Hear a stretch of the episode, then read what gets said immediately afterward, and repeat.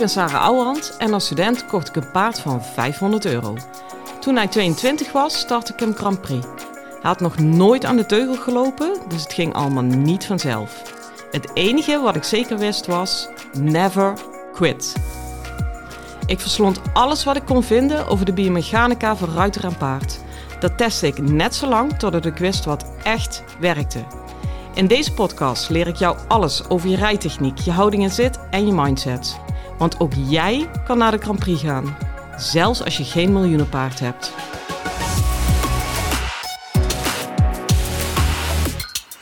Hi lieve paardenmensen. Hey, het is, uh, ik ben hier al eens vaker geweest als ik een podcast opnam. Ik zit buiten in de tuin onder de sterren. Enigszins koud te lijden, maar dat doe ik voor jou. En mijn man zit binnen de top 2000 te luisteren. Dus ik denk, zal me niet gaan vervelen dat het ding uit moet. Omdat ik een podcast op moet nemen. Dus ik zit weer met mijn kont in de tuin. En uh, ja, nog eventjes in deze tuin. Oh man, we zijn volop bezig met de verhuizing. En dat betekent dat ik me met super belangrijke dingen bezig ben aan het houden. Zoals kringlopen af en struinen om oude meubels te kopen en die vervolgens op te knappen. Je kan me echt niet gelukkiger maken dan met dat soort dingen. Dus uh, nou ja, ik heb nou net een oude schommelstoel in de wax uh, gezet. En uh, ik dacht aan jullie en ik denk, weet je, ik zou iedere week minstens twee podcasts opnemen. En bij deze. Ik heb gisteren echt een ongelofelijke topdag gehad. Het was mijn aller, allerlaatste workshopdag in mijn huidige praktijk. Het had daardoor ook wel een klein bijzonder randje. Aan de andere kant ben ik er ook enorm aan toe, want het is hier ook wel gewoon echt wel helemaal over. Maar ik dacht, ja, weet je, dan gaan we ook met een bang eruit. En dat is ook wel gelukt. De sfeer was weer optimaal. Ik heb daar iedereen wederom voor bedankt. Iedere keer als ik met een groep werk, is er zo'n veilig leerklimaat ongeacht niveau of achtergrond. Ehm, we leren van elkaar en met elkaar. En dat klinkt allemaal een beetje klef als ik het zo zeg. Want kijk, niemand is natuurlijk helemaal uh, roomser dan de paus. En iedere keer, iedereen denkt wel eens van, nou nou. Maar in de basis ehm, heb ik gewoon mensen die met zichzelf aan de slag willen. En die zich daardoor niet zoveel bezighouden met anderen. Nou, in het huidige paardenklimaat is dat echt een absolute zegen. Dus de sfeer was ja, optimaal. Ik heb ook uh, iedereen uitgenodigd om die zeker mee te nemen naar uh, mijn nieuwe accommodatie. En ik had een laatste workshopdag zonder paard over een verende teugelvoering. Daar kon je voor inschrijven. En dan werk ik anderhalf uur met je. Een stuk theorie en een stuk lichaamsgebruik. Van ja, weet je, alles leuk en aardig. Zo'n verende verbinding. Maar hoe kom je daar nou? En um, iemand opende in het openingsrondje met van ja, ik blijf het een klusje vinden. Ja, jongens, ik ook. En degene die dat niet nog steeds een klusje vindt, ja, die klets gewoon uit zijn nek. Um, als me iets duidelijk is geworden, alles moet kloppen voor een mooie verende verbinding.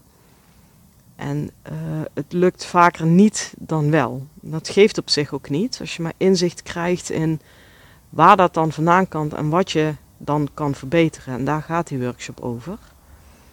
En het allergrootste punt dat ik heb gemaakt daarin, en daar kan ik jou ook nog in meenemen, is een verende, verende teugelvoering heeft met heel veel te maken, maar misschien nog wel het minste met je arm.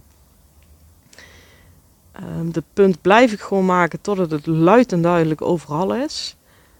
Armen, handen, vaak ook schouders zijn 9,5 van de 10 keer maar een eindprobleem of een gevolg. Um, ja, weet je, het zijn gewoon ledematen die gaan dingen doen als het op andere plekken in je lichaam niet in orde is. En als je niet goed gebalanceerd bent, dan heb je dus meer of minder, maar in ieder geval een vorm van onbalans. En dat is met ons menselijk lichaam altijd het moment dat je handen gaan grijpen. En dan kun je denken, ik moet loslaten, ik moet naar de hand toe, ik moet meegeven, weet ik veel wat je allemaal tegen jezelf zegt. Maar als er in je romp en in je bekken geen gebalanceerd verhaal is, dan gaan die handen iets oplossen. En dat is dus ook het moment waarop je honderd keer tegen jezelf zegt: hand laag, hand laag, hand laag, of ontspan je onderarm. En waardoor het gewoon iedere keer toch niet lukt. Omdat je gewoon tegen die basis oerreflexen inwerkt. Als je alleen al dat gaat zien en de rest vergeet van wat ik ooit tegen je gezegd heb, ja, dan heb je echt al de wereld. Ehm, dus waar heb ik met die mensen aan gewerkt? Niet tot nauwelijks aan de armlijn. Daar heb ik aan het einde met een hele kleine oefening nog even iets aan gedaan. Maar dat is dan ook echt wel fine-tuning. Maar ik heb vooral gewerkt aan de stabilisatie van de romp. Kijk, als je te veel pakt met je hand of je elleboog blokkeert of weet ik veel wat in je arm doet waardoor die niet verend is, dan krijg je dus in die hand, arm, schouder een tillende, ja, trekkend slash tillende bewegingsenergie. En dat is dus ook meteen weer wat ik altijd zeg.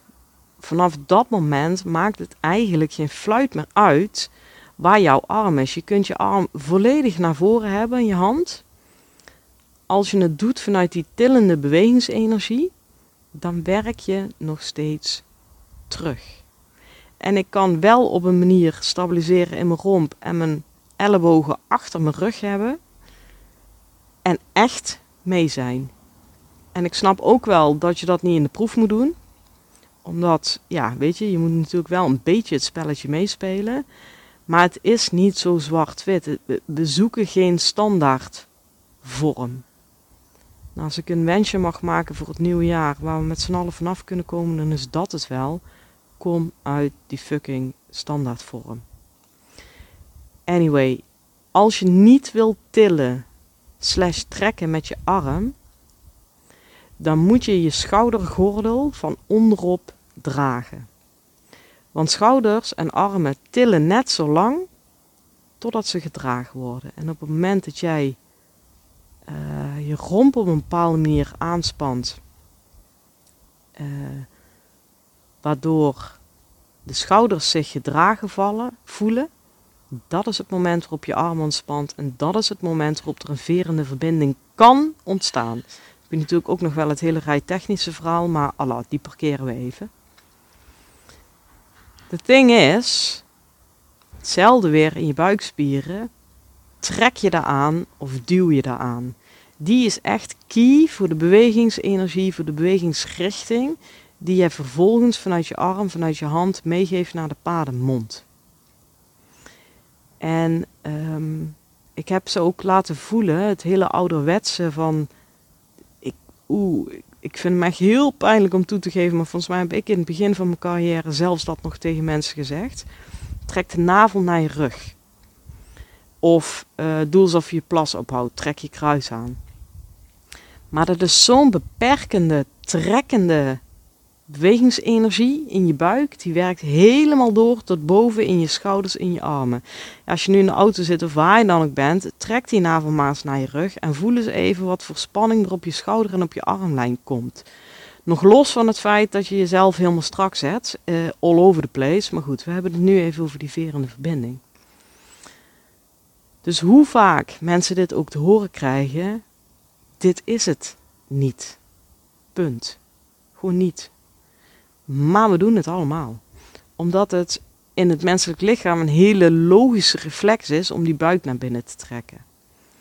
Maar wat je moet doen om echt een supergoeie ja, pijler te maken, een steunpilaar van je romp onder je schouders, want zo moet je het zien, is juist je buikspieren op spanning te krijgen, positieve spanning. Jawel mensen, die bestaat ook door te duwen in je buik. En ja, dat is altijd, nou het is niet lastig uit te leggen, maar uh, als je daar echt helemaal in terecht wil komen, dat lichaamsgebruik, dan nodig je echt uit, doe een keer een workshop bij me.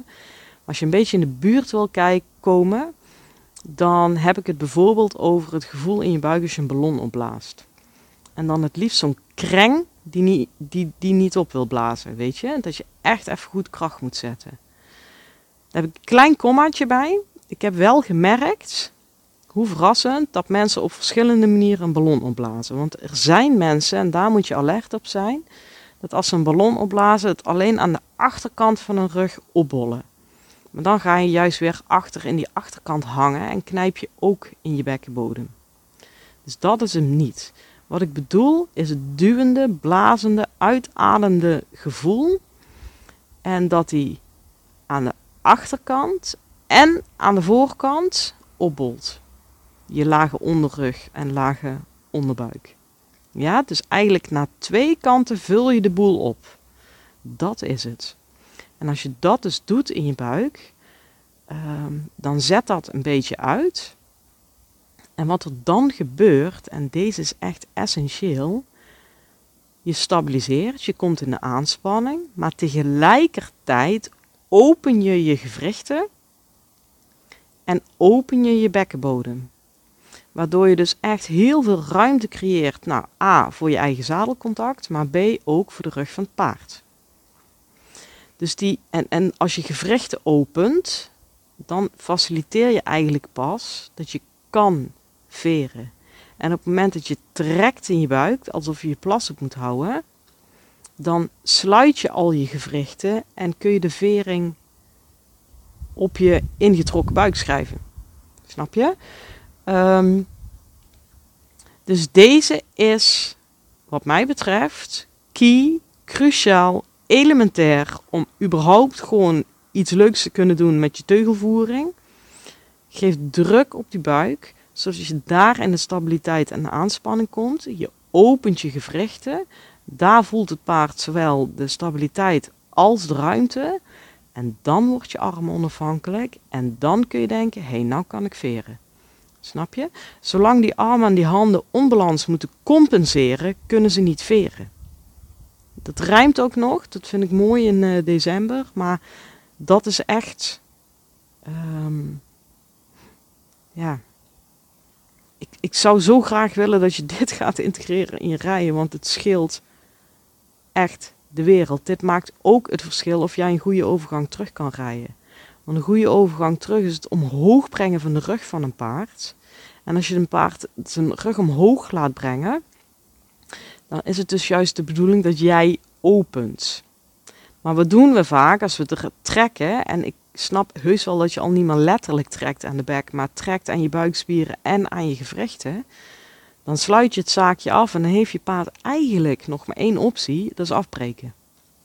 En dan is het een beetje al naar gelang talent van je paard of hij er nog iets van kan bakken. Maar ik kan je vertellen, mijn smurf uh, denkt uh, toeledoekie, ik, uh, ik kap ermee. Of dat hij denkt, nou jij blokt, ik knal er doorheen. Dus die gaat gewoon vol op de voorhand met opengesperde bek, spuit die door mijn gewrichten heen. Um, ja, dit is trouwens ook nog wel een hele leuke. Het is ook het verschil Voorheen zeiden ze dan, doe alsof je plas ophoudt. Nou, hopelijk heb je nu een beetje een beeld dat dat hem niet is. Maar ik zeg nee, niet doen alsof je plas ophoudt, maar doe alsof je poept. Maar, en dat was grote hilariteit gisteren. Ik heb dus echt ontdekt, dit is ook echt wel echt te erg dat ik hier überhaupt mee bezig ben. Maar uh, mensen poepen dus op verschillende manieren. En, want ik zeg dat wel eens tegen ruiters in zadel, van ja, doe alsof je poept. En dan kijk ik ernaar en denk, wat de fuck ben je doen, man? Ik zit echt niet zo op de wc. Dus ja, ook dat is weer, je moet niet al, ja, oh, dit wordt echt een te erg gesprek. Maar in ieder geval, ook in dit geval, als je daar iets aan hebt, aan die gedachte, moet je op een bepaalde manier duwen. Dat niet alleen de achterkant van je rug open gaat, maar ook de voorkant van je lage onderbuik een beetje opbolt en op spanning komt. Nou, de laatste die ik erin kan gooien, het zijn allemaal dezelfde ingangen, uh, of verschillende ingangen naar hetzelfde, sorry. Maar je kunt ook nog denken alsof je twee kleine ballonnetjes in je liezen hebt aan de voorkant. Als je erg geneigd bent om naar achter te zakken en op de lepel te komen. Doe dan twee kleine ballonnetjes in je liezen, alleen aan de voorkant. En blaas die klein aan links en rechts op. Dat kan ook nog. En doe dat eens en voel dan vooral het effect, want daar gaat dit natuurlijk over, op je armlijn. Nou, trek je navel naar je rug en voel wat er in je armlijn gebeurt. En blaas de ballonnetjes op of god weet wat je allemaal ermee wil doen. En voel dan het effect op je armlijn. En dan heb je dus indirect heel veel invloed op de teugelvoering. Zonder, en die benoem ik graag nog een keer, want dat is echt het punt van de eeuw. Zonder dat je je armpositie überhaupt maar veranderd hebt. Ik heb gisteren echt, ben ik in dezelfde houding gaan zitten. Toen heb ik gewoon een terugwerkende energie laten zien vanuit mijn spieren en gewrichten. Terwijl mijn armpositie niet veranderde, heb ik op dezelfde manier een, een meeverende positie laten zien door gewoon mijn spiergebruik en mijn gewrichten anders in te zetten. Want ik wil je behoeden voor het feit, en dat zeiden gisteren ook mensen, ja, als ik te veel druk heb, ja, dat willen we niet. Dus tegenwoordig allemaal hoe, hoe. Ehm, ja, dan gooi ik het maar weg. Want ik weet anders ook niet wat te doen. Of ik steek mijn arm te ver naar voren. Maar dat hoeft helemaal niet. Je hoeft helemaal niks met je. Soms wel, hè? Want soms moet je denken: ja, doe je arm zus of zo, of je hand daar of daar. Maar in de basis hoef je je armlijn niet te veranderen en kan je toch in dezelfde houding kiezen: werk ik terug of zit ik mee? Jongens, ga daar eens mee stoeien. Ik heb, ja, ik ben nu natuurlijk af en toe hier, maar ik ga absoluut weer een workshopkalender opzetten voor uh, op mijn eigen accommodatie. Die is overigens, heb ik dat ooit gezegd? Volgens mij wel. Maar in Noord-Brabant, uh, onder de rook van Goorlen, 500 meter van Goorlen vandaan. En uh, ja, daar gaan deze onderwerpen nog veel meer aan bod komen. Ik zal je weer even een link zetten als je op de hoogte wil blijven daarvan. En ehm, top 2000, ik kijk nu even naar binnen, is afgelopen. Dus ik mag ook weer naar binnen. Ik hoop van ganse harte dat je hier weer iets aan hebt. Het is in theorie heel simpel. Maar om het goed te integreren in je rij is het echt niet simpel. Want het gaat echt tegen de natuurlijke reflexen van je lichaam in. Dus neem hiervoor je de tijd en uh, denk ook eens aan een staptraining. Want als je vaak stap halt vanuit deze manier, ga daar eens mee spelen. Dan uh, weet je eigenlijk niet wat je meemaakt. Dan kan je lekker voorwaarts halt houden. Jongens, ik trap af. Ik wens jou voor nu een hele fijne dag en veel plezier met je paard. Hoi!